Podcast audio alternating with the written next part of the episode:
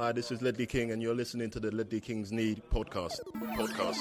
Podcast, podcast, podcast, podcast, podcast. Hör upp, kamrater. Håkmans soldater. Käka liljevita oblater. Och drick dina kolhydrater. Konsekvent, inkonsekvent. Det bästa som någonsin hänt. Du kommer aldrig bli dig själv igen, min vän. Här flödar hybrisen. När vi poddar på nytt igen. Du kommer aldrig bli dig själv igen, min vän. Ja, hej och hjärtligt välkomna till Ledley Kings knä ungdomsspecial. Ehm, idag har vi med oss en eh, gäst här i, från, eh, vi sitter i Harlow, det? Harlow Playhouse.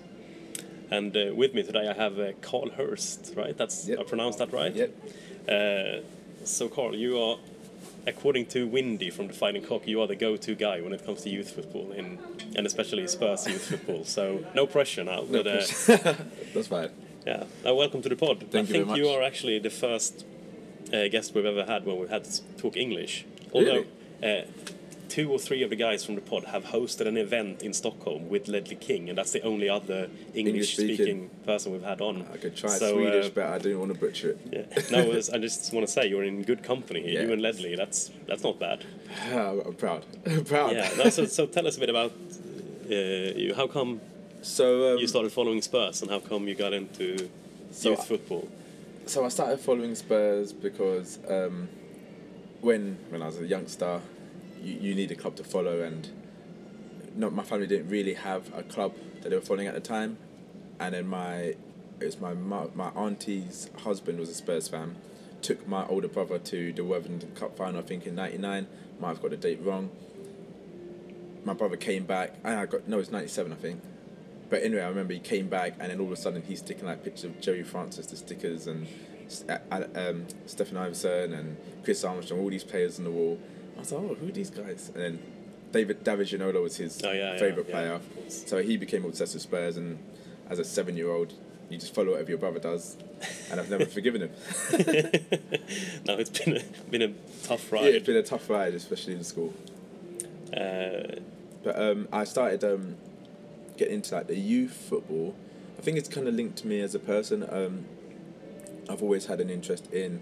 I did like psychology degree when I was young um, at uni, and I've always had an interest in like development in general. yeah, So, and and be, having been involved in like youth work and trying to get people from that stage to how they get to that stage, and I'd watch like uh, the best players in the world. I wonder how they started off, and then that's how I started initially. Um, I think it was, it was Windy, Chris. Don't know how you want to be referred to, mate. so, Me I- neither. yeah, so I started to um, read his blogs about the youth football, just gaining an interest in that and that's when it started out. And then Spurs would post like little highlights of names under twenty ones. Would watch that, and it's just interesting. I've always watched, and whenever the England games were on TV, like under 19s, always watch those because everyone wants to be the person who spots the future player, and that's where it mainly started. Um, and I said, combined with my interest in general development and how things are made, and I've always been informed, involved in some sort of coaching yeah. and that's how it started. And then I basically got my own car and I could go to my own games. And from then on, it's just and and the standard of football in the academy is so high. It actually makes enjoyable to Yeah, follow yeah. well, it- it's, yeah. it's not just just following foot. It's going there and thinking it's quite a relaxed atmosphere. There's no booing. There's no slagging people off. but it's high quality games. So again, it, it all makes it quite relaxing. Just go down and watch some games. And since then, I've been following the youth football ever since. Yeah, so roughly how long have you been following Spurs youth teams then? I would say since about when I was so 2010, 11. Okay, alright. Um, Harry Redknapp era. Yeah, I started having that sort of interest, and I, I wasn't going to the under 18s game. But that's when I started like very initial reading um, Windy's blogs Yeah, and then watching whatever highlights were being posted online. And then, if, for example, uh, a game was played at White Hart Lane, then I might try and attend it. So Yeah. I went to um, the one game I went to was the under twenty one semi final of the, that league, and it was against Everton. Um, that's one one of the games I could get to by myself because it was in the stadium. but everything else would sort of be watched, whatever Spurs would post really, and started to get my car and go to my own games. Yeah. So today you go to a lot of the you go to most of the home games. Uh, yeah, the- I, I try to go to most home games because they, they get about ten in the year or something like that, um, and it's quite. It's about twenty minute drive from my house, and like I said, in the morning, helps me get out of bed, stand there. Might be cold sometimes, but it wakes me up, um, and it's good to watch. It's early ga- early kickoffs then. It's about eleven. okay. 11 so no, it's not that bad a kickoff. It just means I'm just quite lazy, so I'd stay in my bed otherwise, not do anything. So, um, yeah, I tried. I tried to get to the home games um, because the other games are a bit hard to get to, and I've stopped going to the under 21s as much. But you'll probably get onto that a bit later. But um, yeah, so I'd get to about 10 games, and then if some of the under 21s under the 18s fixtures, if the bigger clubs will televise them or put them online, or actually some of the smaller clubs now doing it, which is actually a shame that we don't do it. Yeah, Um, Spurs don't do that much, do they? they've sort of regressed in that sense because, Okay. as I said, I started watching the under, under 18s and under 21s through their highlights videos, and then I would go to some games and they'd put out highlights. Just doesn't happen anymore. Um, I'm not really sure why. It's it's, it's quite annoying. Um, when you look at other clubs, for example, Derby do it, Yeah. and a lot of and a lot of smaller clubs. No offense, Derby, uh, I've managed to put out this stuff. So I don't understand why we can't put out that sort Yeah. of content. And then when you look at the big clubs like United and uh, Liverpool, and they all have their own TV channels where they regularly follow and put up their under 18s, under 23 matches. It's it's a shame we don't do it really. Yeah. Um, yeah, it is odd. I've, like you said, um, um, I think I've seen Manchester TV or whatever, MUTV, yeah. MUTV broadcasting quite a lot of of their games. Um, so, do you follow mainly the under 18 or you follow a bit of all the different Um, teams? So I will mainly follow the under 18s matches. Um, under 21s, I keep a tab on through many other clubs. Like I say, when they're Yeah. posting online, I don't go to the under 21, under 23s matches as much anymore because it became quite turgid, and I became quite quite annoyed by the the the development of the players. So and then the, the style in which they're playing. So as a result, it created quite turgid football. It was Yeah. quite boring to watch. So I said I go to the games because it's usually entertaining. But if it's not entertaining, I'm not gonna go down just religiously watch something. So I'll, I'll follow it in other ways, um, and then I can also, when the younger teams like that under 16s, under 15s, sometimes under 14s are having tournaments abroad. If you know where to look, for example, on websites, on social medias, they might post of this tournament, and some of them will release, uh, be like live stream the games. So there's a competition like Latvia called the Riga tournament, which has, which you can go on, on YouTube and find out from like the 2000 from 2015 what's how under 13s play or something like that. Oh, really? And then you can just watch those games, and and what I find interesting, like I said about the whole development, is to see what's in place at an early age to Yeah, see yeah. how it how it um, transfers when they're older and creates a player that you do. So you can go watch. Now you know them now.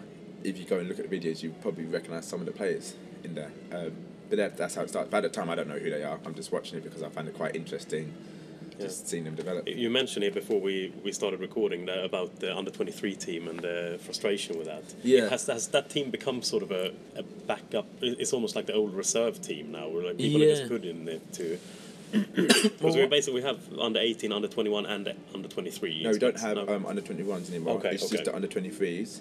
Then that's so I think pretty sure it's the FA changed that because they thought it'd make it more competitive. yeah. Um, because they thought it would allow. I, I think the reasoning was behind if there's an under 23 team, they could allow injured players or older players to play the games, and therefore the younger players are playing with better footballers. Yeah. But it, it doesn't really work like that. I, I actually f- think it was better when it was under 21s. But I would, yeah, I go that, and then it, it became quite stagnated. I think because the previous manager, previous manager Pochettino, he was very much against sending players out on loan. Yeah. Whereas back in the day when I used to watch a lot, we'd send a lot, quite a lot of players out on loan. So the good players from under 18s would instantly move up to the under 23s. So you're watching them play at quite a competitive level against other players, and then get other good players out on loan, so you can sort of watch them as well. Whereas now it's just it's just like say it's just backed up in the under 23s. No one's going out on loan. Everyone stay there. No one develops. You're playing under 23 football for like two, three years Yeah. when you should be playing adults football. Or if you're one of really good players, they don't want you playing under 23 football. They just want you training with the first team. Yeah. So you're not getting any games whatsoever. And then in the end, it just anyone would lose motivation if they see no development in their Yeah. career. So and then you, you sort of see that in the in the way that sometimes they play, and I think the coaching or management or whatever it is, you'll get some strange decisions. And and I know everything's about development, so try to play in this position and try to play it here because you want them to develop, but. Certain decisions made in under 23 football, I'm just thinking, what is the point in this? Like, why are you hold, why are you holding on to so many players? Like, also, as far as I'm concerned, these are players want to have careers. Like, Yeah. if you don't think you're necessarily going to use them, just let them let them leave and let them start a career. But you're just holding on to players who are like they're 23 years old, and they've left with no experience. And I don't get how that can be good for anyone. No, even from just a pure investment perspective, it's bad for Tottenham if they've been paying for their. Like Yeah. They brought them up this far, and they might as well. Yeah, You know, either try to get them. something out. Yeah, and um, I don't I don't know, no. but that's why I sort of lost a bit of interest in watching under 23s because, as I said, I do it for the enjoyment of watching good football as Yeah. well. And if it's not good football, I'd rather just watch it from the comfort of my home and So hopefully it- a good side streams. And at that stage, I guess if then, like you say, if you're still play, playing under 23 football then and haven't been moved into the first team, you're pretty much you're done for almost Yeah. if you're going to be stuck you know. It's funny because um, what happened is the very best under 18 players get so one or two that go straight into the first team, not play any youth football, go into the first team because apparently it's better for their development, even though not playing games. You wouldn't see these players for about a year. Yeah, then the the second best players, or the ones who are very good, but you know you probably only put one or two in the first team at a time, they'd play a lot of under eighteen, under twenty three football. Everyone would be like, "Oh, these players are quality." So then, the, the previous manager would then put them into the first team and not play them. Yeah. And then that player they previously had put them back in the under twenty threes, and then that, that you're looking at the player and thinking, "Oh, this guy is rubbish." And everyone's like, "This guy's terrible." Everyone was overrating him, but it's like he hasn't had any development. Whereas the other players now overtaking him has played about forty games, even though it's under twenty three football, Yeah. and has learnt his craft and be able to show himself. And now, that football will play in the be training. Won't, you won't see them for another year anyway. So it's just a weird development. The ones I'm thinking of, an example would be um, Oakley, Boothe, and Skipp, for example. yeah, Um, so, uh, because they've been promoted to the first. Team, yeah. So pretty much. Oakley, Boothe, and Skipp are part of what you arguably consider England's best generation of footballers. Um, the 2000 year, one born in year 2000. Yeah, So Hudson Odoi, Sancho, Foden, and they won the under 17 World Cup. yeah, I'm sure you knew about that. Oakley Boothe was a regular in that side, and he was, some people say, England's most important player in the side of Sancho, Foden, yeah. etc. That, that's a that's a good price to get. Do you know what I mean? Looking at think- where some of those are today. Yeah, and you think um, Kirby was in there as well, and you had a few other players. You had about four players that played for that age group. So Ayoma, Skipp, Kirby, and Oakley Boothe. And Oakley Boothe was probably the regular with Ayoma Yeah. at centre back, and Skipp was in and out, and Kirby was Kirby had left our club by then. Um, so yeah, he was- he was like one of the most important players. He got granted he struggled when he entered the under 18s initially, but then he moved up straight into the coaching with the first team. Obviously, he wasn't going to get played, and then Skipp was just playing under 18 football, and everyone's like, "Oh, Skipp's quality," which he was. He's a Mm. brilliant player, doing really well. Under 23, one of the best players, doing really well. At this point, Oakley Boothe can gets dropped back into under 18 football or under 23 football. Isn't even good enough to now be selected for the main team. He's on the on the bench, whereas Skipp has now been brought into the first team. You don't even see him. Uh, it sounds like a very weird setup to have. I don't know. And um, and like you were talking about as well before about getting uh, playing in time. I was thinking about that just now. I mean, the team that Pochettino really like when we act took off under him, we had Walker, Rose, Kane, Mason. All of those players, from what I can remember, had they were loaned out at quite a young age. Yeah. They were playing like Kane were everywhere on loan. And and me, my personal opinion, I don't necessarily think all players need loans. I think there's certain players that won't really do well on loan, and if you're if you're a quality club with quality players, a quality academy, if you just introduce them gradually, in my opinion, then you can sort of they, they can start solidifying their place. Like Winks almost did, yeah. Yeah. They'll solidify their place, and then they'll come part of the furniture, and then they'll they'll acclimatise to the first team. Yeah. But if we're not going to do that, I'd much rather, even if I don't think that specific player could be on go on loan, I'd much rather they go on loan than just stay in the under 23s. Yeah. Because at least if you go out there, you're going to find the club, you're going to settle at some point, and you're going to get development, at least earn value. Yeah. Even if you don't become good enough for the first team, you're going to earn some value and be sold by the club, and then to reinvest in, in in the club or even in the academy.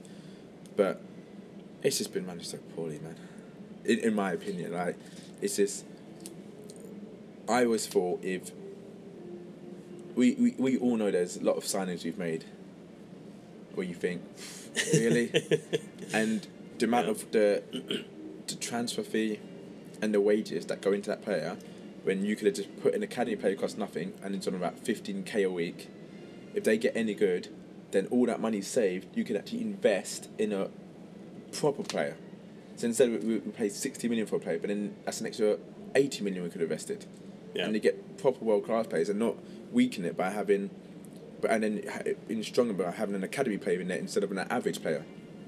And it's just the reason I'm quite passionate about it is because I'm passionate about the first team, Yeah. and I want the first team to do well. So it frustrates me to see us spend so much money on average players when this is clearly a better way to do So it. that's the point you're making is that you'd rather have the money, like save the money that we spend on average players, just bring up a youngster instead, and then maybe make a, like one purchase less, but spend more than on one player. Yeah, Of no, course, it makes and and, makes sense. and and it's not like just the players you're bringing up are complete jokers. You're talking about we we had four to five players in England teams that were winning tournaments. yeah.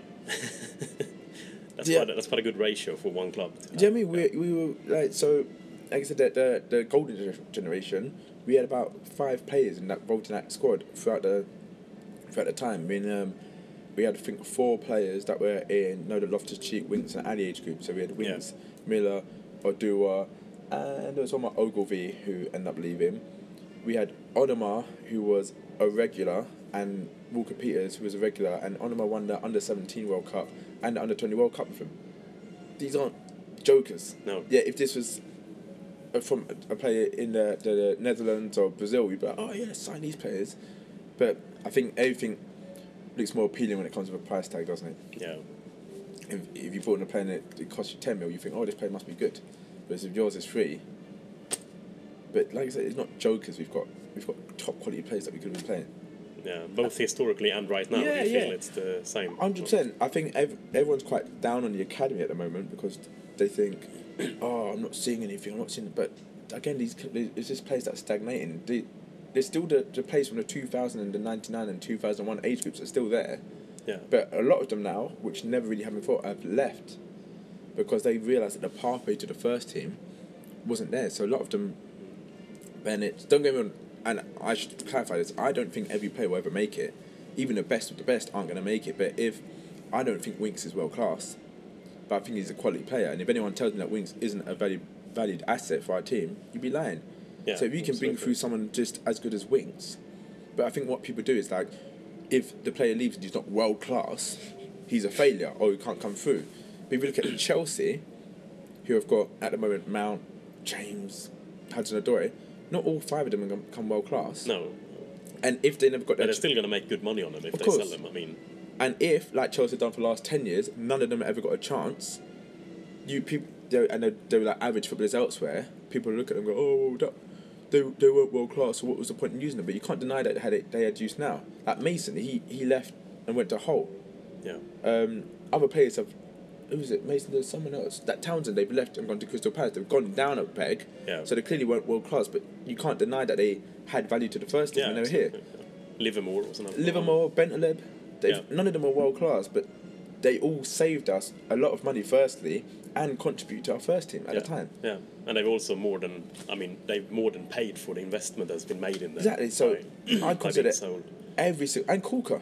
Yeah, yeah, of every course, single yeah. one of those is a success. Yeah, yeah. I mean, for the, from the academy point of view, that has to be a complete success. bring on to that because surely, the, do you know the, the vision of the academy is surely to, obviously, in uh, in a perfect world, bring you like basically just fill the first team with yeah, which, excellent which is unrealistic. Yeah. Yeah, but also just to generate a bit of money and, and to show that this is a place where you can come and we will make something out of you. Yeah. Because if young players see that, all right, there's been tons of talented players, maybe they've even played with them in the England England national teams, and then they notice like, what the hell happened to him? He was like like Oakley Boothe, for instance. Is he? You think he's done for, or I think is- no. So our players are so talented, right? And again, not all players are going to become world class. That's a given. Like I'm talking about any player. Even if you end up being championship level in the end, you could have contributed to that our squad at that time, most Yeah. likely as a squad. Like you look at Istanbulis, like if you make it as a championship player, that's good Yeah. enough to be a squad player yeah, initially. Yeah. Um, someone like Oakley Boothe, he's got so much talent that I just think he's been wasted. He's never going to make it here, regardless of his talent or not. It's just not going to happen.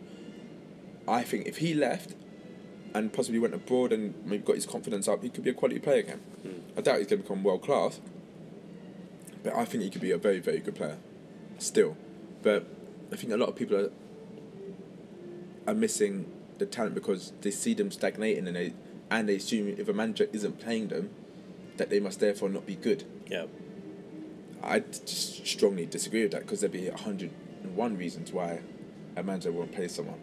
I mean, if if you've asked your chairman to pay thirty million for a player, and then that player turns up and he's not better than what's in the academy, and you start playing an academy player over him, is your chairman going to release another thirty million? no, yeah, that's true.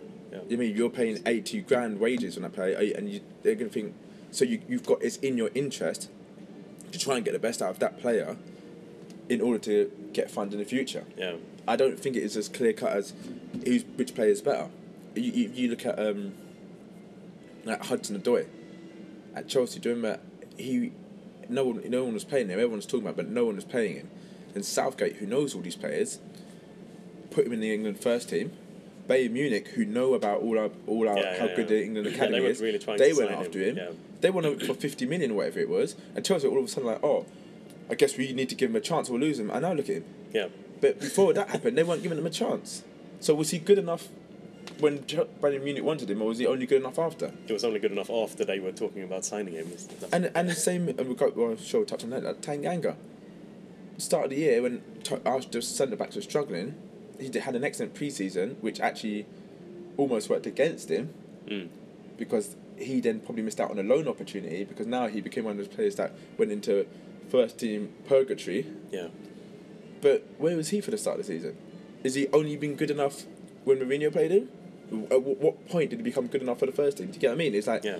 he was either good enough or he wasn't good enough. But it just depends what manager is looking at them. Just says what. Do you know I mean? Like Mourinho yeah, looks at him and think, oh, I'm good. He's good enough for the first team. Let me try. And Pochettino looks at him and is like, no, he's not good enough. Who's right? And that's why I just don't. This because the manager says something, and and they're not playing. I don't think, oh, this player isn't good enough for the first team. Good enough means what? World class or Stambouli? I can, can contribute something, I guess, to the team. That's what it should mean. That's- I mean, you the- need you can't have a squad of twenty three world class players. You can't. Half the players we sign aren't world class.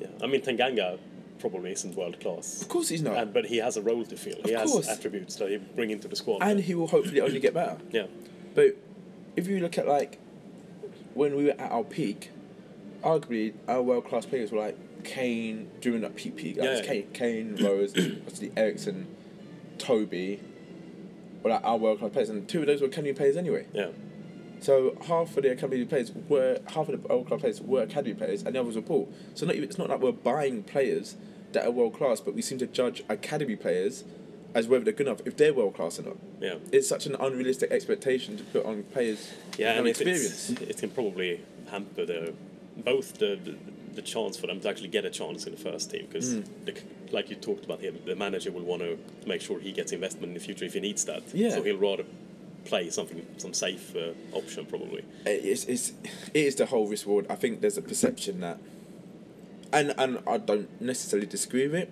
the perception that a young player is unreliable. Yeah, But we've you look at like Oria. Yeah, Yeah, do, do you mean you, you had Soldado, who was an experienced player, banging thirty goals a season for five years in Spain, and Then do you mean? couldn't hit a barn door when he was with us. You think our, our, academy players can do any worse than that? But yet they they're held in this high regard, like you've got to be better than this.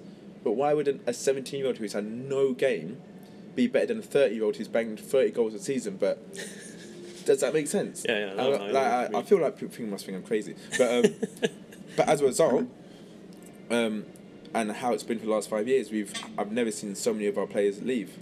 Yeah. Um, just had like like I said, not going to make it, but like Griffiths, Keenan Bennett, um, Noni Madueke. Um, an, another really good player from at a young age, so called Amari Forson left as well, okay. and I think it's all a direct result from what I think what you're saying. If they're looking at the older players and they know they're top, top, top quality players, and they're playing in England, they're like, "Whoa, this guy didn't even get a sniff. Yeah. What chance am I going to have?" Yeah. And I think it, whereas before when we had the Corkers, Livermores, and all those come through, young players were wanting to join us. Do you know what I mean that that, that Yeah. Noni Madueke we actually picked up from like Palace initially, and um, people would join us. But now it's, it's complete opposite because now they're seeing the quality players from our best ever age groups didn't get sniff, apart from Winks in one in five years. So they're going to leave us.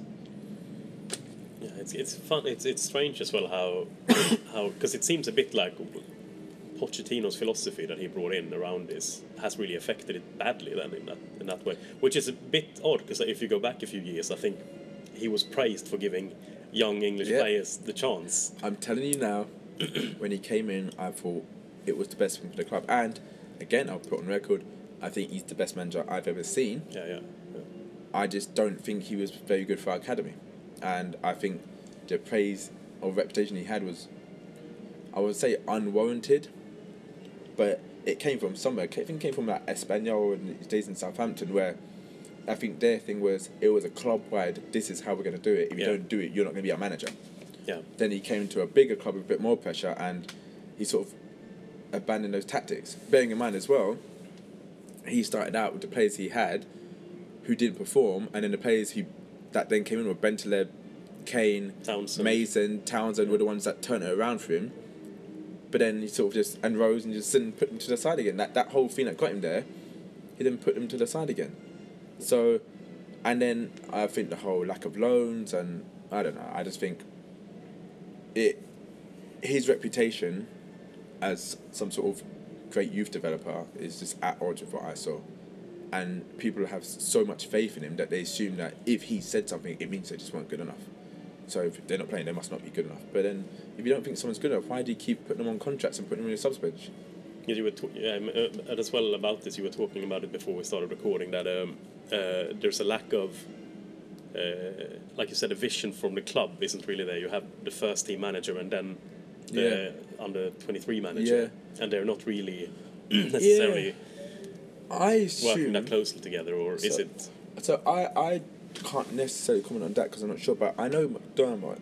My understanding is McDermott would think someone's good enough, and he didn't recommend him to the manager. Yeah. So McDermott is the head of the whole academy, Okay, yeah, and he'd recommend him to the manager. But then, and again, I, I, I'm can't, I'm not involved, so I don't know. Then I just, I assume McDermott would think a player is good enough, because otherwise you wouldn't keep persisting with them. I mean, you, people if they don't play, people are oh they must have an attitude problem. It's like Yeah. they've they've known these kids since they were eight nine. If you think there's any issues, you would have got rid of them. yeah, The fact that you've kept them, you obviously think they've got these capabilities. They're playing for England. You got Pochettino putting them, signing them on contracts, and giving them another contract, giving them another contract. Why would you do that if you don't think they're particularly good? So you're putting them on the subs bench.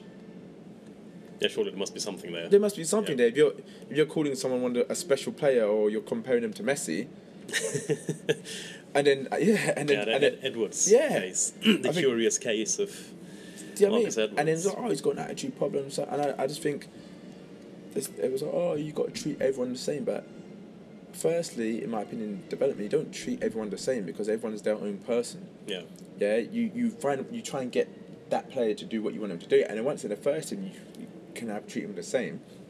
And you can't call someone, oh, shades of Messi. You know, gas them up their whole life, give them an ego, and then wonder why they might have a bit of a Yeah. entitlement and, and think, oh, you know what, I think I'm good enough to get a game here. Yeah. But you know, we're going to put Nkoudou on in the dead brother rather than give you a game. But was do you know if was there anything was did something happen there between Edwards and Pochettino? Because I think a lot of people found that quite strange how because Um, Pochettino didn't really talk that like, that way about players normally, and then he did it to a 17 year old. Well, and, and then that's why I also think it's a bit unfair what Pochettino is doing. It's like, why would you set, do all that and then say all that and then treat him as they did? But all my understanding was, and again, I, I don't know the kid, so um, I, I just think, I think he possibly might have been a certain way behind the scenes. But as far as I'm concerned, he's a teenager. yeah, It's like I don't know anything he may or may not have done, but a, a teenager who's, who's who's doing playing football, he's getting decent amount of money, he's getting a bit of reputation. Anyone's gonna, do you know, what I mean? act, act, maybe possibly act up a bit, at the most. And then I don't know. I I, I just think. You, you set the standard of oh all my first teamers must be this level and run this amount and be this good, but not all the first teamers do that no, we all know that some work harder than others, but you seem to think the young person needs to do that. Do you mean let the young person mature and then give them a chance? But you're just there having a go. Like, Whoa, this this kid's act, acting up a bit. I was like, oh, he's a kid. Work with him, develop I mean, him. That's what you meant to do, and then then you work with him in the future. If he's still in the first team acting up a bit, then you get rid of him, like Bentaleb. yeah, Bentaleb thought you should have played, should have been getting more games. In the end, he didn't want to work, so you sold him. But at that time, he made us the money and contribute massively to the Yeah. first team. He can have no one to blame but himself because he was given that opportunity.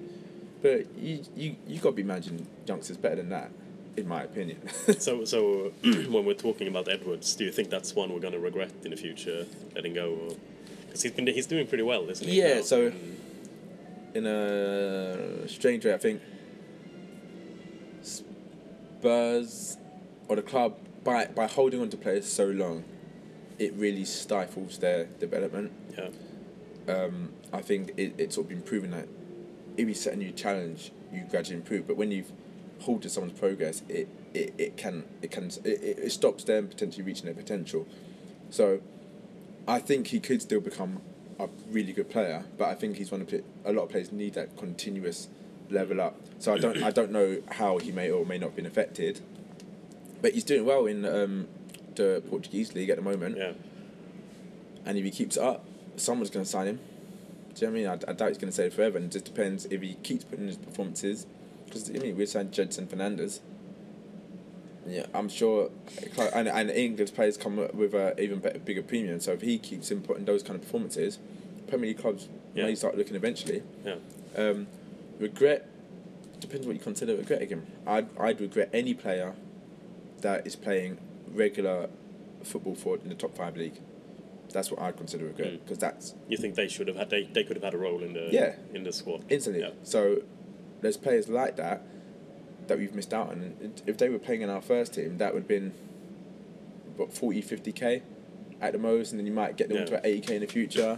Saved us 25, 30 million in wage transfer fees somewhere else. That could have gone to us spending big on actual actual world class players. That's what I consider a loss. Uh, any that a player of that caliber is a loss to me. No, that's a good point. Do you have any historically any special player that you remember or that you now really regret what Yeah, happened so uh, Milos Veljkovic is one of my favourite yeah, players yeah. I've ever seen.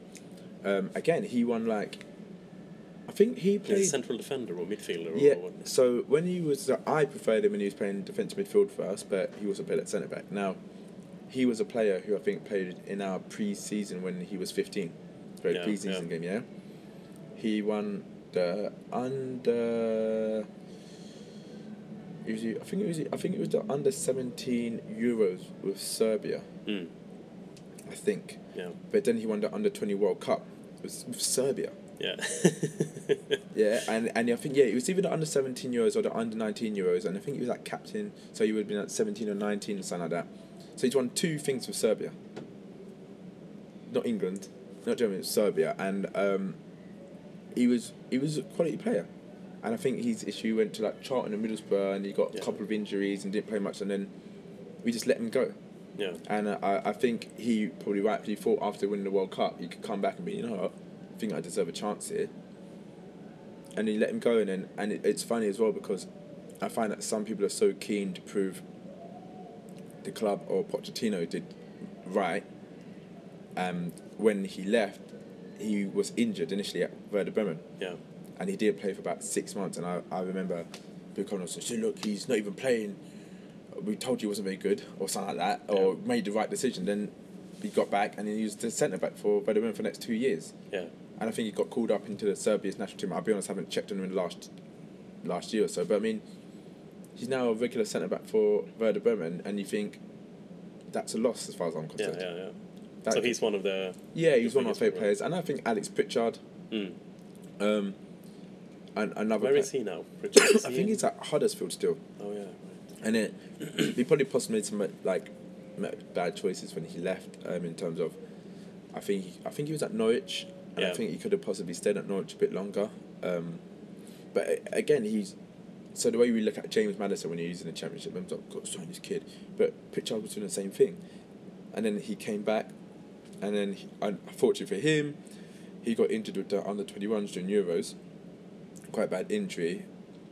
Uh, came back, and in the second half of the season, as far as if you rate that player, you could have tried to use him, but we sent him to West Brom under Pulis, playing hoofball Yeah.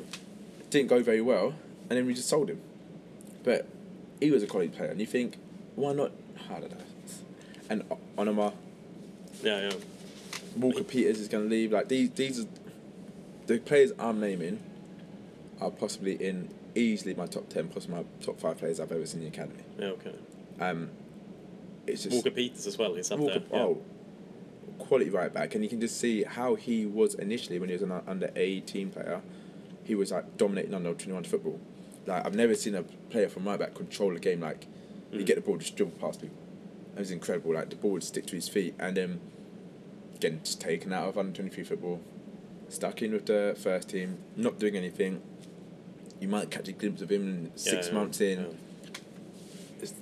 No longer it's sh- shadow of the player in terms of trying to take people on, like sort of sitting back. Yeah, because I was going to ask about that. I, that doesn't strike me as how he would play. Exactly. Because I'm- how I'm- you've seen him, he seems to play it very safe. But I guess at the same time, when you actually get the chance, you don't want to mess it up. Because wanna- especially if you play one game and you get man the match, and then you you get dropped the next game, you don't see you again. so the next time you play, why on earth are you going to take a risk when even me playing well doesn't get me another game? yeah, So you just want to do whatever you can to get the next match. So he then got three assists yeah. in one match, and it doesn't get seen again. So why on earth are you? How how is that instilling any confidence in you?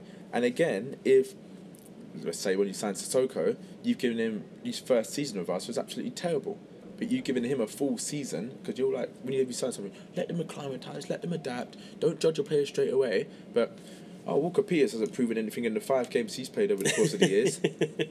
course of the years as well. In yeah. it, you know, five games over the course of the year, so clearly he's not very good.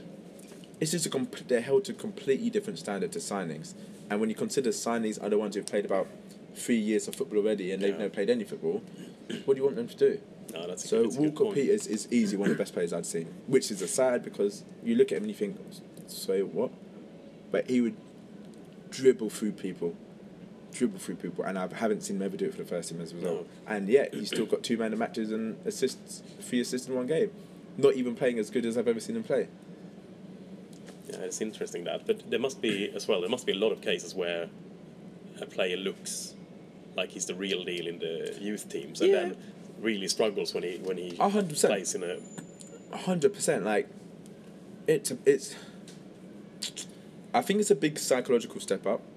Um, I think people exaggerate how great the Premier League is and how hard it must be to play for these academy players. Like me, I believe it's easy to get one player in per season, develop one player in. Like Winks wasn't even the best player in his age group. Winks wasn't like in in his England age group. Like Onomah was better than Winks. Like and under eighteen level, I thought Will Meadow was a better player than Winks, but Winks sort of came more to the fore when he was like uh, 19, 20 Yeah, and all that kind of stuff. I guess it's about the timing as well. But you need to get the opportunity at the right t- time for you, like you talked about before. It's everyone's Yeah, individual everyone, everyone unique. develops individually, and I think it's trust. I think Winks is a lot more of a safety player. Mm. Do you mean you're gonna need the ball? He's gonna rotate it. You're gonna need the ball. He's not gonna do anything like. He's not gonna try to ping an amazing pass and lose it. He's not gonna do anything flashy on the edge of our box. He's not gonna try and drop a skill. So he's quite a safe player. Someone you can trust. I think Skipp's kind of like that, but I think Skipp's a bit more uh, uh, cavalier in his style when he wants to be. Like again, it's something you probably don't really know about him. He's an excellent defensive midfielder, but he Mm. can be quite you know, like Parker last season, West Ham, kind of Yeah, yeah, yeah. running around the pitch. He can do all that as well. But I think he's he didn't quite get that. Um, but he he can be quite safe. So I think he's the kind of player. But I do think it's a case of people have this impression that the Premier League is incredibly hard to play in. But you're talking about the best, biggest clubs in the world investing the most amount in their academies. Where do you think the best young players are going to be? In those places. Players have got to come from somewhere. The Premier League is filled up with play, players from academies from all different parts of Europe and South America and Africa and all this kind of stuff. I'm like, if they can make it, why can the best players in the best young players in the world not make it? And I would always say one player a year, a season, should be able to do it. And then people, you think that's a bit overreacted a bit. Chelsea have now got five academy players, possibly six, in their team, but it's meant to be like some impossible league to be playing in. And don't get me wrong, it hundred percent, not everyone's going to make it. I think uh, a lot of the time it's the mental pressure. So once you get there, you might be a bit. This is my moment, or how am I going to adapt, or you, you might freeze. All of these things, hundred percent, they can happen. But I think if you give the best players a chance, and give them proper chances and see if they make it, you can't really go wrong. Even you say like Walker Peters, he, you looks a bit, sometimes a bit shaky or um, rabbit in the headlights, and yet he still picked up man matches and he hasn't even got confidence, No. and he's still yeah. playing well. Yeah. So about uh, sort of staying with that, the the mental, the pressure that you can be put under, and it, like this is my chance now, or not? Because there's been a lot of people talking about uh, Parrott now Yeah. in the youth team and wondering why he's not playing or just put him in. You know, we might as well. Uh, what's your take on that? Because he's still is he 18 yet? He's, 17, 18. He's turning. I think he either has or he's about to turn eighteen because there's a, he's got the issue of his contract at the moment. I Yeah. think I think it's February he turns eighteen. Um, so is quality. I think he's probably the best or second best striker I've seen in the academy after Kane. But I was a bit younger, so I might be Mm. Sort of loo- looking at Kane a bit more favour. I think I even think Kane's quality, but Parrott is another top quality player. Wherever I would play him now, so I, I don't I wouldn't necessarily send him on loan. I think you could do. I personally, especially with Kane injured, would use the rest of the season to ease him in, Yeah, yeah. give him games. I wouldn't go, oh, you're going to be our number one striker, but it, we haven't got a striker that's very good at the moment.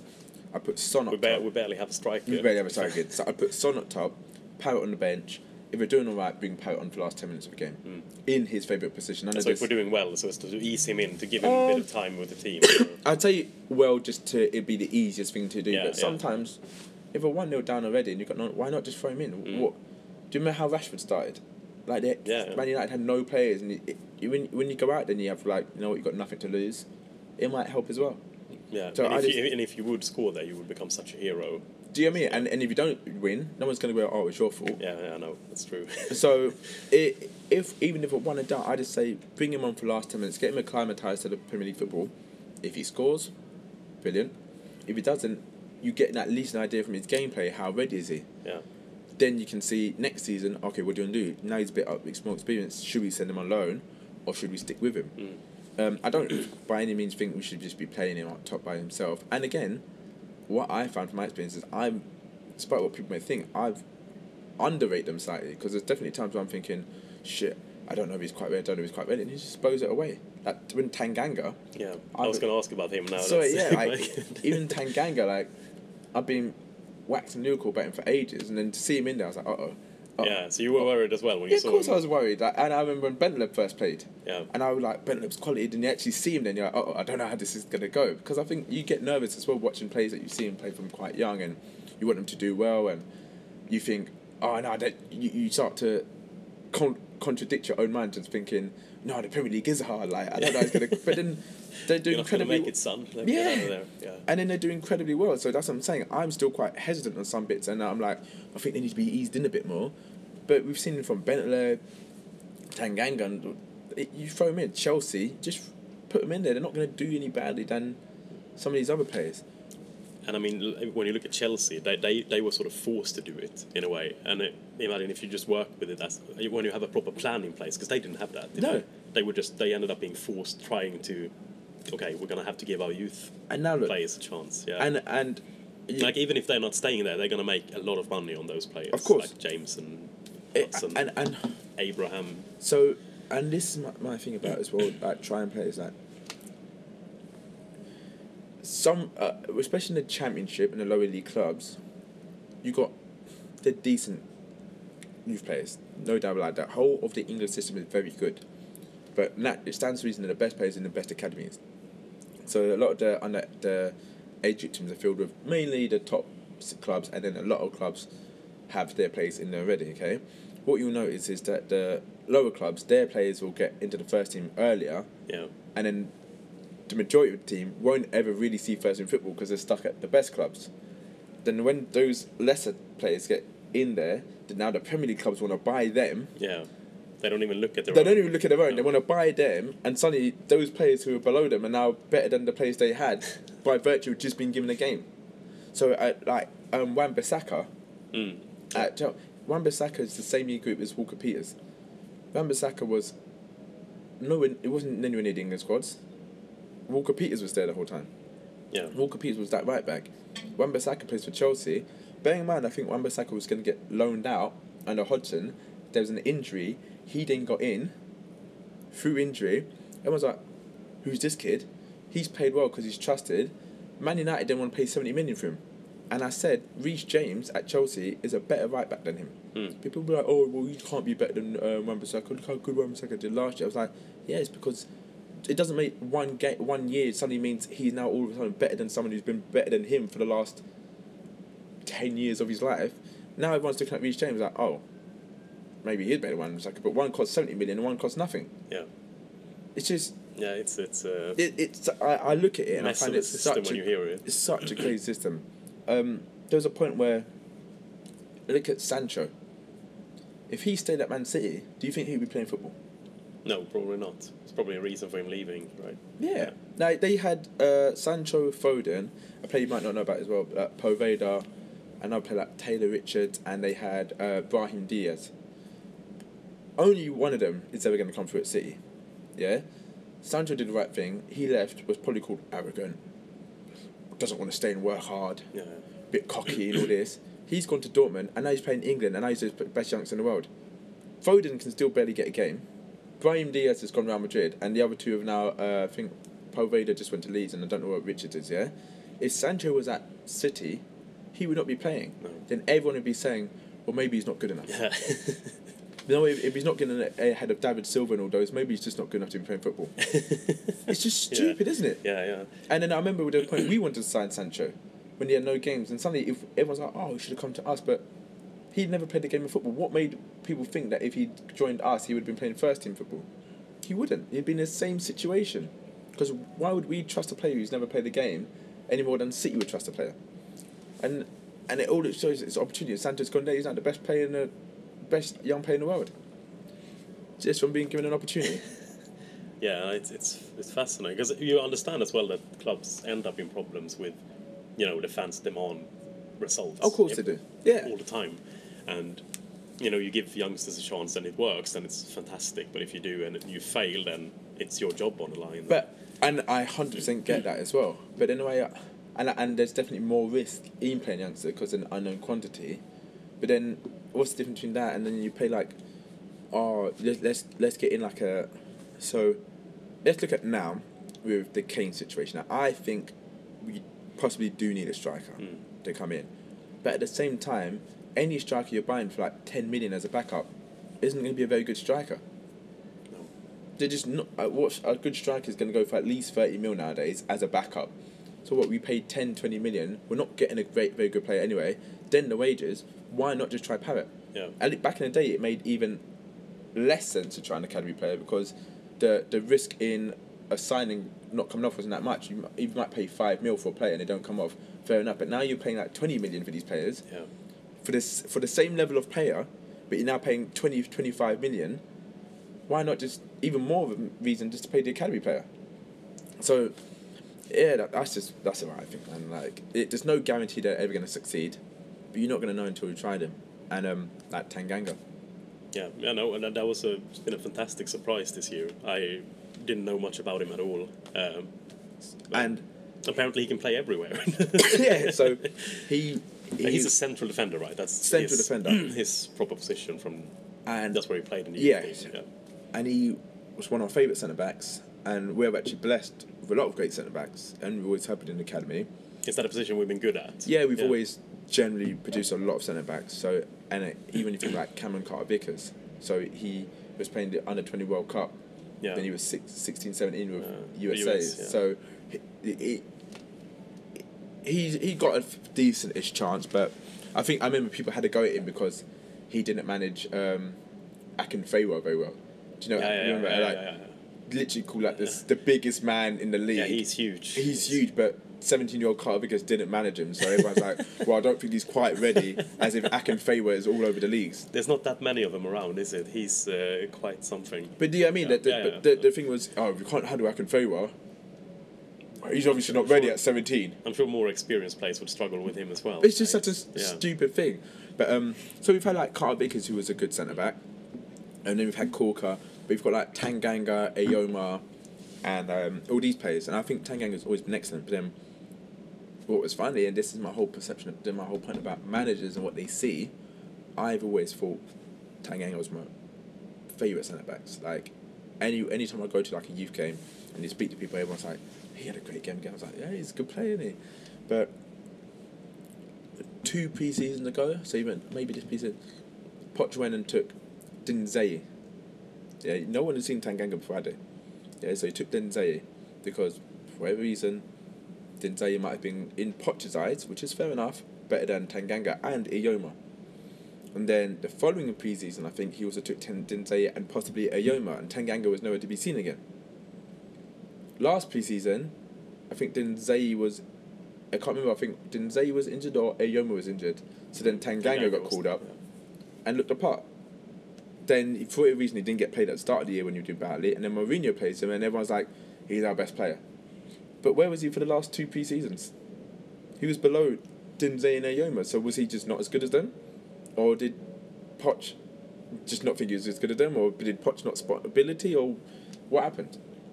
And and, and this is my point. It's, do you know what I mean? It's Yeah, because uh, one manager says something, it doesn't mean it's true. No, that's It seems to just believe, oh, well, he sees him in training every day, therefore he must know. But so what is the explanation for Poch thinking taking Dinzeyi and Eyoma above Tanganga, but now everyone seems to think Tanganga is our best centre back or best defender? And he's not left back or right back, by the No, way. no. So that's I. I don't know how he's managing to cope. Ironically, Walker Peters a better right back than him. We're sending him to Southampton by the looks Yeah. of it. now. So yeah, no, so we shouldn't look at him as the the long term solution for right back. No. I don't know what you think of Aurier, but I've said on the pod once that I said that uh, Aurier is basically the uh, the right back version of Ole Gunnar Solskjaer. He will like do um, quite badly. He will do have a few really bad games, and then he will be quite good for a while. He will get a few results. Yeah. and it makes you think, oh, It's- maybe it's there is something something. Let's- and then let's keep crashing down again. I think Aurier's alright actually. Yeah. Um, but coming back to what the topic is about, he got what sort of like f- two penalties and about three, four red cards, something like that for us, whatever it is. And to be fair, that was a while ago. But yeah, yeah, and he's definitely improved, but it, it's funny the chances he keeps getting. Yeah. Whereas if Tanganga had done that, everyone would say he's not ready. yeah, When Walker Peters accidentally handballed against Crystal Palace or slipped against Barcelona, he's now no longer ready for us. But Aurier's and Foyth give away pens left, right, and centre, but we're going to keep persisting. Yeah. And that's just the hypocrisy I find in, in football at the moment. But for its worth, I actually think Aurier's playing really well at the moment. Yeah, yeah, yeah. I mean, Um, he's definitely picked up. Yeah, I, I think he still could be a bit of a liability in, at the back, but I think he's actually decent at attack. So yeah, I, But we have changed quite a lot of how we like Play. his position is very much built for him, which I guess is fair enough. Yeah. But I mean, if you can do that with an experienced right back, surely you can be a bit flexible with how you get a youth player into the team as well. Yeah. And I mean, if you can adjust the whole team just so he won't be making mistakes, then surely yeah. there are other ways in for, for youngsters as well. Um, but about so you said that about the central defenders, we, we've been good with that. Is there any type of players that you th- you found that we've struggled with developing in our youth teams? Is there a Hmm. I don't think we produce. It's a hard one. I think possibly wingers and strikers. okay? Um, we've always produced good fullbacks as well. Yeah. And so Walker Peters, um, Tariq Hines, who again not many people know, but he's quality, he's second best right back we've seen. Fullback we've had um, um, Ogilvie, who was quality winners here. Dennis Cirkin, proper player, and then we've had Jayden Brown and Nick, Nick Cerula. Jayden Brown's now at Huddersfield, Mm. um, and doing well there. Uh, midfield, I think we've always produced good players in central midfield. The wing and up top have always been a bit lacking for a reason. So we have like we like Oduwa is one of my favourite players. I don't know if you ever heard of Nathan Oduwa. Yeah, yeah, I've heard of him. but- Yeah, so I, like when he went Rangers, he was like destroying everyone. Then he got really bad challenges made on him, and I think his confidence just went. Yeah. And again, in that pre-season, he was actually playing. Yeah, with- right. yeah. yeah, and he was playing like really well with Danny Rose that pre-season. You think, you know, just twenty minutes in Europa League here, ten minutes Yeah. there instead of N'Jie, whoever it was at the time. See what happens. But then, yeah, he got destroyed at Rangers, and I think he just fallen off. But in terms of top quality wingers, again, Sam Shashoua, he's, Yeah. a, he's a really good player. And Edwards Mm. is, but I wouldn't say they were, other than Adu, I wouldn't say they were wingers, wingers. Do you know what I mean? They weren't Yeah. that kind of wing, they're more like attacking midfielders. So I don't think we produce many great wingers. Keenan Bennett is another good player, but I wouldn't say he's like. We'll see, I want to see how he gets on actually, but I wouldn't say he's was top top top class winger. Um, and then striker between Kane and Parrott and Parrott, we didn't really produce ourselves. Now, we've had decent players like Shayon Harrison, who I really liked. Um, Griffiths banged in a lot of goals, but I don't think he he was a, he used to be a right back. So he was a right back turn striker. yeah, It's he's, a uh, so at, under, change. at under sixteen level, he was. no, sorry, I think at under fifteen. I don't want to get this wrong, but at under fifteen or sixteen, he was basically a centre back, right back. And I still remember it's like the pre-season he played in the tournament, and for every reason he was moved to right winger in that tournament. Having played centre back and right back in that tournament as well, he moved to right winger. I think he got a couple of goals. And then uh, the next tournament, he might have gone to a strike and bagged a couple of goals. And then that season, he was just like, I'm going to be a striker now. But he banged 38 goals in 37 games or something. But no fault of his own, he just turned into a striker. So, Yeah. but I wouldn't think he was naturally a great striker. But he gets goals at the end of the day. So, and Kazaiah Sterling was also a good Yeah. striker, and he um, played with Edwards in that age group. Um, he's still around, isn't he? He's still in he the. is. in I think he got a bit, quite a few injuries at um, one point, which is his issue. But I, I used to like him as well. But these are all very good players, but I wouldn't say they were as good wingers and strikers as we've had centre mids yeah. and defenders. If that makes sense, it, Yeah, it wasn't. that makes sense. It wasn't that they were they were very good. They just weren't. I think we do very well with um, defenders and centre mids. Is there any skill or, or attribute you might have in the youth team that makes you maybe stand out more than you deserve? Is there like any players that you Uh, remember who've been like very strong physically, very dominating on that level, or are the players so good that it, you can't just rely on one attribute like that? So is there any? Yeah, you can really rely. So I think okay, what I find is players who I think are really good excel in one area.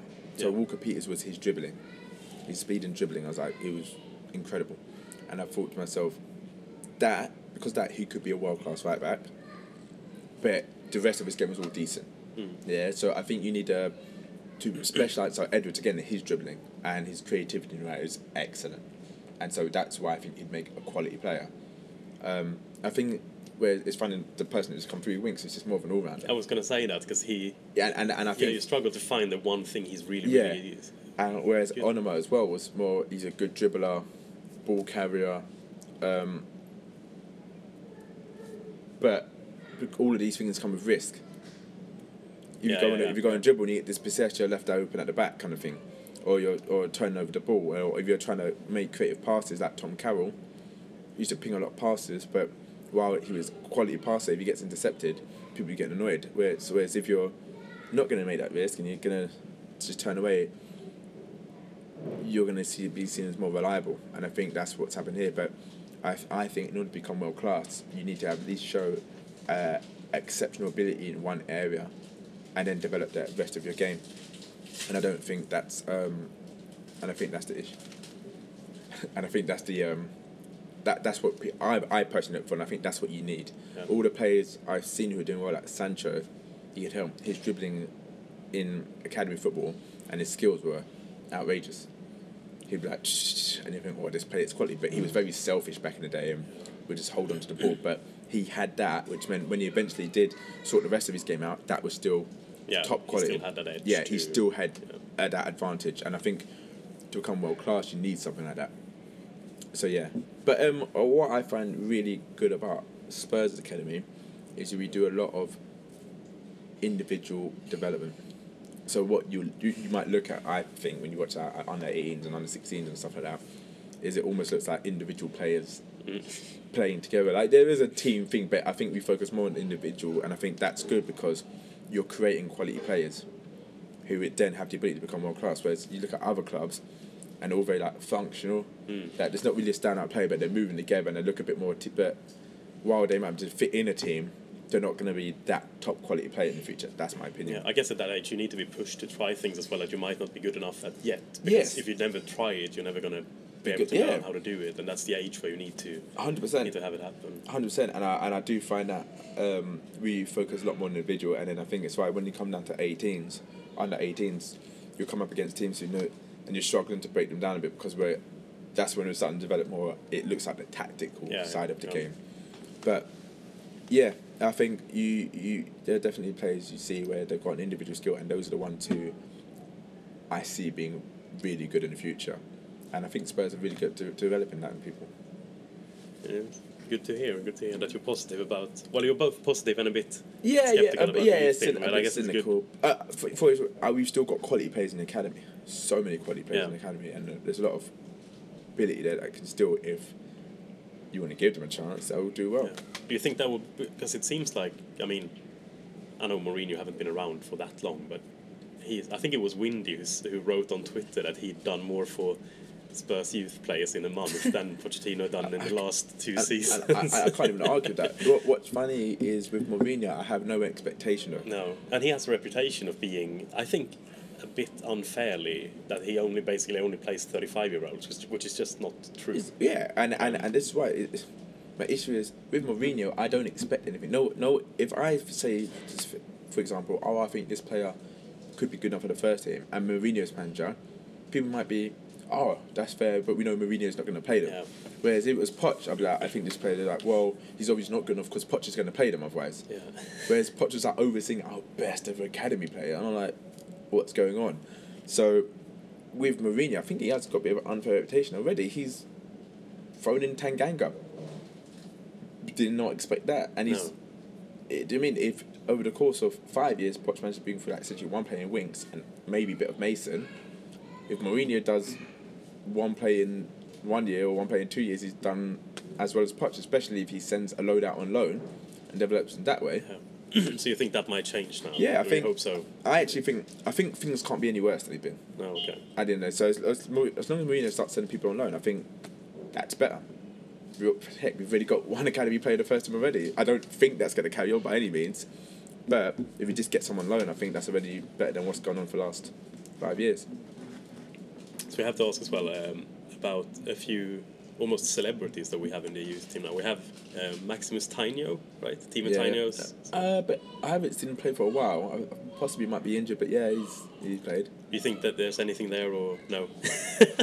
That's uh, Uh, what do you call that? The uh, um, I think there's an element of nepotism. yeah, no, yeah, exactly. because um, we've got a few ex like I I don't like to talk bad about any No, no. just because they're youngsters as well Yeah, and yeah. um, but we've got for a reason quite a few like Brian Statham's son's in our academy he's a former Spurs player then obviously you've got Pochettino Junior Yeah, uh, he's still there, is he? yeah he's still there and I don't think he was that great personally and then we got uh, Ma- I think Maximus Tainio is actually a decent player to be fair to him Mm. um, I, But Spurs wouldn't necessarily have signed him unless there was some sort of I suspect not yeah. I suspect not. But how does that? Yeah, that's kind of something I forgot to, to bring up. How do they normally go about finding? Do you know how they go about finding these players? Um, they I think they have um, sort of scouts trawling through um, a lot of England. I think we have a little links with clubs as well, like um, at a very young age group, like Ridgeway Ro- Rovers, which is where Kane come from, and I can't remember their club names off by heart, but there's been there's been quite a few clubs where you might pick one or two players from them and give them opportunities, but they do like trials for like under eights Yeah, yeah. They as start low that, as that. That start, young. yeah, like I'm pretty sure that's how Winks was found. He's like, Mm.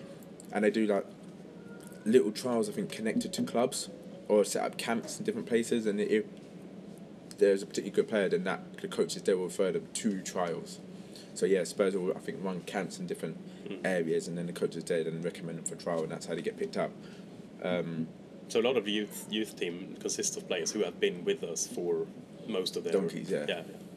um, Because it's quite rare that you sign a 14 year old. like. Yeah, so know, it's either it- when they're really young or when they're yeah. like and 17, it, the 18. the fourteen year olds and now get picked up if there's an outstanding player and you see an opportunity like Noni Madueke and like Stephen Corker. You see them and you, you take the opportunity and try and pick them up. Um, that's it. Now a lot of ours are getting taken away from us. yeah. But And that's a bad spot to be in when you've brought them up to that level. yeah, and it's quite frustrating. You think you've got them there, you want to take them on, but if you don't see a pathway, why am I going to stay? And as far as I'm concerned, it, when you're like 16 years old and you've got everyone coming after you, wanting you, why stay at a club where you're not likely to get a chance? no. I think I remember when the Marcus Edwards contract situation was happening, everyone's getting Yeah. on to him, calling him cocky, arrogant. Oh, he's got an attitude problem because he was like probably has offer, offers from different players, and then he actually signed for us in the end and didn't get played for two years. So what he went Because from? Liverpool was in for him as well, weren't they? Or that, I didn't point. I think Barca and all these Yeah. players, clubs have been in for him. Yeah, I mean, and he's like getting all these slagged off from Spurs fans. He's like, why sign? Signs, commits probably because Poch is like, yeah, we'll give you a chance. They probably trusted what he said, and it's like, no. Instead, I'm going to talk about you in a book, and then moan about you and your attitude problems and blah blah blah. Like, what was that for? It's- as far as I'm concerned, if I if I was a top player in any of the big clubs, not just Spurs, I'd just leave when you're like 16. Like so, Noni Madueke is now in PSV's first team, hmm. which is funny because we, we like signed that, that Dutch player. I can't Yeah. pronounce his name. Benjamin. Benjamin? I yeah, know yeah. to- But he signed in, so he's gone there, and I'm sure in about a couple of years' time, if he keeps playing well. Someone will bring him back from the Premier League. But ironically, if he stayed at Premier League club, he wouldn't be playing Premier League Yeah. football. It's like Sancho. He's left when he was 16 or 17. and Now he's playing. So, but it is a good. It does seem like the the, um, the youth, like the education you get from the academies in the UK are very good. Mm. But it's the problem is the step from there Yes, to is, the yeah. first team. That's where the And it's like I have no issue in especially our academy, academy football in terms of development. I Yeah. still think development is top quality. And for us, it's when you get them to 17, 18, but it's 18 to 21, just don't know what to do. know, It's shocking that so much talent has slipped through our hands. Um, it's incredible. And, not, and like, again, not all of them are going to make it by any means, but just try them out or at least loan them out and get some value from them instead of just watching them devalue and stagnate. It just makes no sense to me. Is there any any team in in the UK where you feel like they they they've found a good way of managing that? Any team you're jealous of when it comes to how they're managing their youth What and players? in, in terms of progression into their first team, I guess both how they do how the academy work, if Okay. and, but also the, the progression into the first team. So- Does any team have it funny enough, working really well? it, Chelsea and City have the best academies. I mean, Chelsea, that's why it's all stupid as well. Chelsea, I think, won, I mean, like something like six FA Youth Cups in a row Yeah. yeah. and four out of the five UEFA Youth Leagues. All in a row. Like, do you mean, like, they've won all that, but yet none of their players could get into the first team because they're not good enough somehow. I think they didn't win it last year or last couple of years, but when Frank Lampard came in, and all of a sudden you got all these players. So it, it, it's just it's funny how things work. But if he wasn't there, they still would not be seen. wasted, yeah. They've been wasted, and you think all. So you can see from all them victories how good their players are, and I've seen Chelsea Academy very good. They they've matched like the deve- physical development with the technical development so well, but their issue was getting them to the first team. Now all of a sudden, you've got five five of them in the first team. Now they're the per- team you want to be in terms of getting the academy players in. Mm. It, imagine how much money they've earned and saved in getting them in there now. How much is Abraham worth? Like fifteen Premier League goals in a season. Yeah, that's Hudson money. who was going for 30, 50 million before he even played, and now how much is he? And then Reece James, Mason Mount, Loftus Cheek, Tomori. All these players, they're probably pretending to get 200 million in for all those players already, yeah, at- at plus saved money on wages. It's ridiculous. So if I just think you need to just chuck him in. And uh, uh, yeah, Man City excellent academy, but I think they struggle to get players. Sounds like Foden, quality player, but he's still struggling for game time. And it's like, where do you put him? Ahead of Bernardo Silva, ahead of David Silva, where is he getting his chance? But I, at least with City, I can understand why. So if they're winning trophies, you have an argument. Well, we're winning. Why should we give an academy player a chance? But when it's like us, like we're not winning. Why not give them a chance? Hmm. So, but at the moment, I say I am jealous of Chelsea and what they're doing with theirs and how they're getting opportunities. But no, no club is particularly good at it from any Premier League club. No. You'd argue that the bottom Premier League club should be even better at it, Yeah, but yeah, they probably have more to gain out. they have more to gain out of it. But yet they still don't do it, and there's some good players still down there. So I think everyone's just shit scared. I think there's too much money in the Premier League in terms of the loss of money when if you get relegated, combined with the money you, because you get it, you can spunk forty million on a completely average player, and it doesn't mean anything. Yeah, And and like I said, the loss. Why take that risk in playing an academy player when you can just spunk forty million? It makes so. I think it the, the money is very much a hindrance at the moment. is there anyone? and Maybe you don't want to mention a specific young player that you think, is there anyone you you have big hopes for right now who's playing in the under eighteen team to? Maybe someone or someone who you think are underrated or a lot. people could be more excited about. As I guess at the moment, Parrott is the obvious one. Everyone's Paris, talking about but should well, he, Skipp. Skipp, Skipp could yeah. be a top top quality player, top quality, and Parrott could be a top quality player. So that we've currently got. I think yeah, Walker Peters' time unfortunately is done. Like I don't see how he can recover in terms Yeah. of becoming a top quality player. But I think he could go Southampton and show he's a Premier League level footballer, Yeah. and then like like I, I don't think Winks' level will ever be better than us.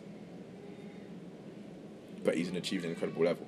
yeah, regular and he's still a useful club. player. Yeah, he's yeah. put in some great. A regular for a top six club is Yeah. an incredible. That, that, that is a good level to produce from Do you a know what I youth mean? team. Yeah, So I, I don't think Walker Peters might ever reach that level, but I think he'd be a regular for a Premier League club level. yeah, Um, whereas I had higher hopes for him. Look at Alexander Arnold. yeah, Walker Peters was ahead of him in England football. yeah. Do you know what I mean? And suddenly someone gets injured, Clyne gets injured, Alexander Arnold comes in. And Yeah, boy, do they have a player there. So exactly. So it it is luck of the draw. It's Rashford as well. Rashford was um, behind Abraham Solanke and Adam Armstrong for in the England age group. He wasn't playing England. They get a load of England players, a load of injured players. Man United. Rashford comes in. All of a sudden, he's now apparently better than suddenly better than everyone. And now Abraham's got his chance and he's I think a better striker than Rashford. And I always thought that. But anyway, so in terms of so Skipp players like I think Tariq Hines is a very good player, but another sort of just milling around. But okay. he's a right back. Um, in the absence of, he's the second best right back I've ever seen at academy. He doesn't quite bomb like Walker Peters. He's not like a get to the wing and beat everyone, but in terms of in- intelligent football and ability to play out and stuff like that, and I think he's an excellent player. And I think he's probably possibly still at the point where if he did get a chance, he hasn't been hampered enough. No. Yeah. Um, How old is he now? Is he so he's 17, 18? So no, he'd be about. So he's two thousand. So okay, just, nine, nine, 1920 possibly. okay. What yeah. I don't know what age age group he is. Um, so I've always thought he was excellent. Like I said, he's the second best right back I've seen in our academy. Um, and also Dennis Cirkin. Don't want to you know, hype him up too much, but he's a quality player at left back. Yeah. Um, I love to see him get a chance. I, he's quite. I wouldn't say he's built, but he's also stock enough where you think, okay, he could hold his own. Um, he's a really good player. Who else have we got? It's a couple of centre backs. Um, I heard Binks apparently just left. I don't know if he's on gone on loan or left, but he's an excellent centre back. Eyoma's another good centre back I've liked, but they're all quite smallish centre backs. These Okay. ones. Um, I'm trying to think like Harvey White is a good centre midfielder. You've got good players. Yeah, there's, so there's a lot of potential. Yeah, it's just yeah. like everyone's got down in it because you watch the under 23s and you think, oh, and then you think if none of them are getting chances, it means they're not good enough. But there's a lot of talent. There's still a lot of talent there, and, and the academy has always done its job very well. Always done its job very well in terms of producing. It's just how you develop them from that point onwards. That's the issue. Yeah. Well, let's hope we can solve it. Yeah. Well, I think that's uh, that might be a good point to to end it on. Thank you very much for welcome, joining us. Maybe you'll be back. Soon. Yeah, yeah, We'll I- follow happily. up on how it went for all these players. And hopefully I won't drop. be moaning as much. I think it's been quite balanced. yeah, yeah, okay, good. Well, thank you very much. Uh, thanks for listening. Konsekvent, inkonsekvent Det bästa som någonsin hänt Du kommer aldrig bli dig själv igen min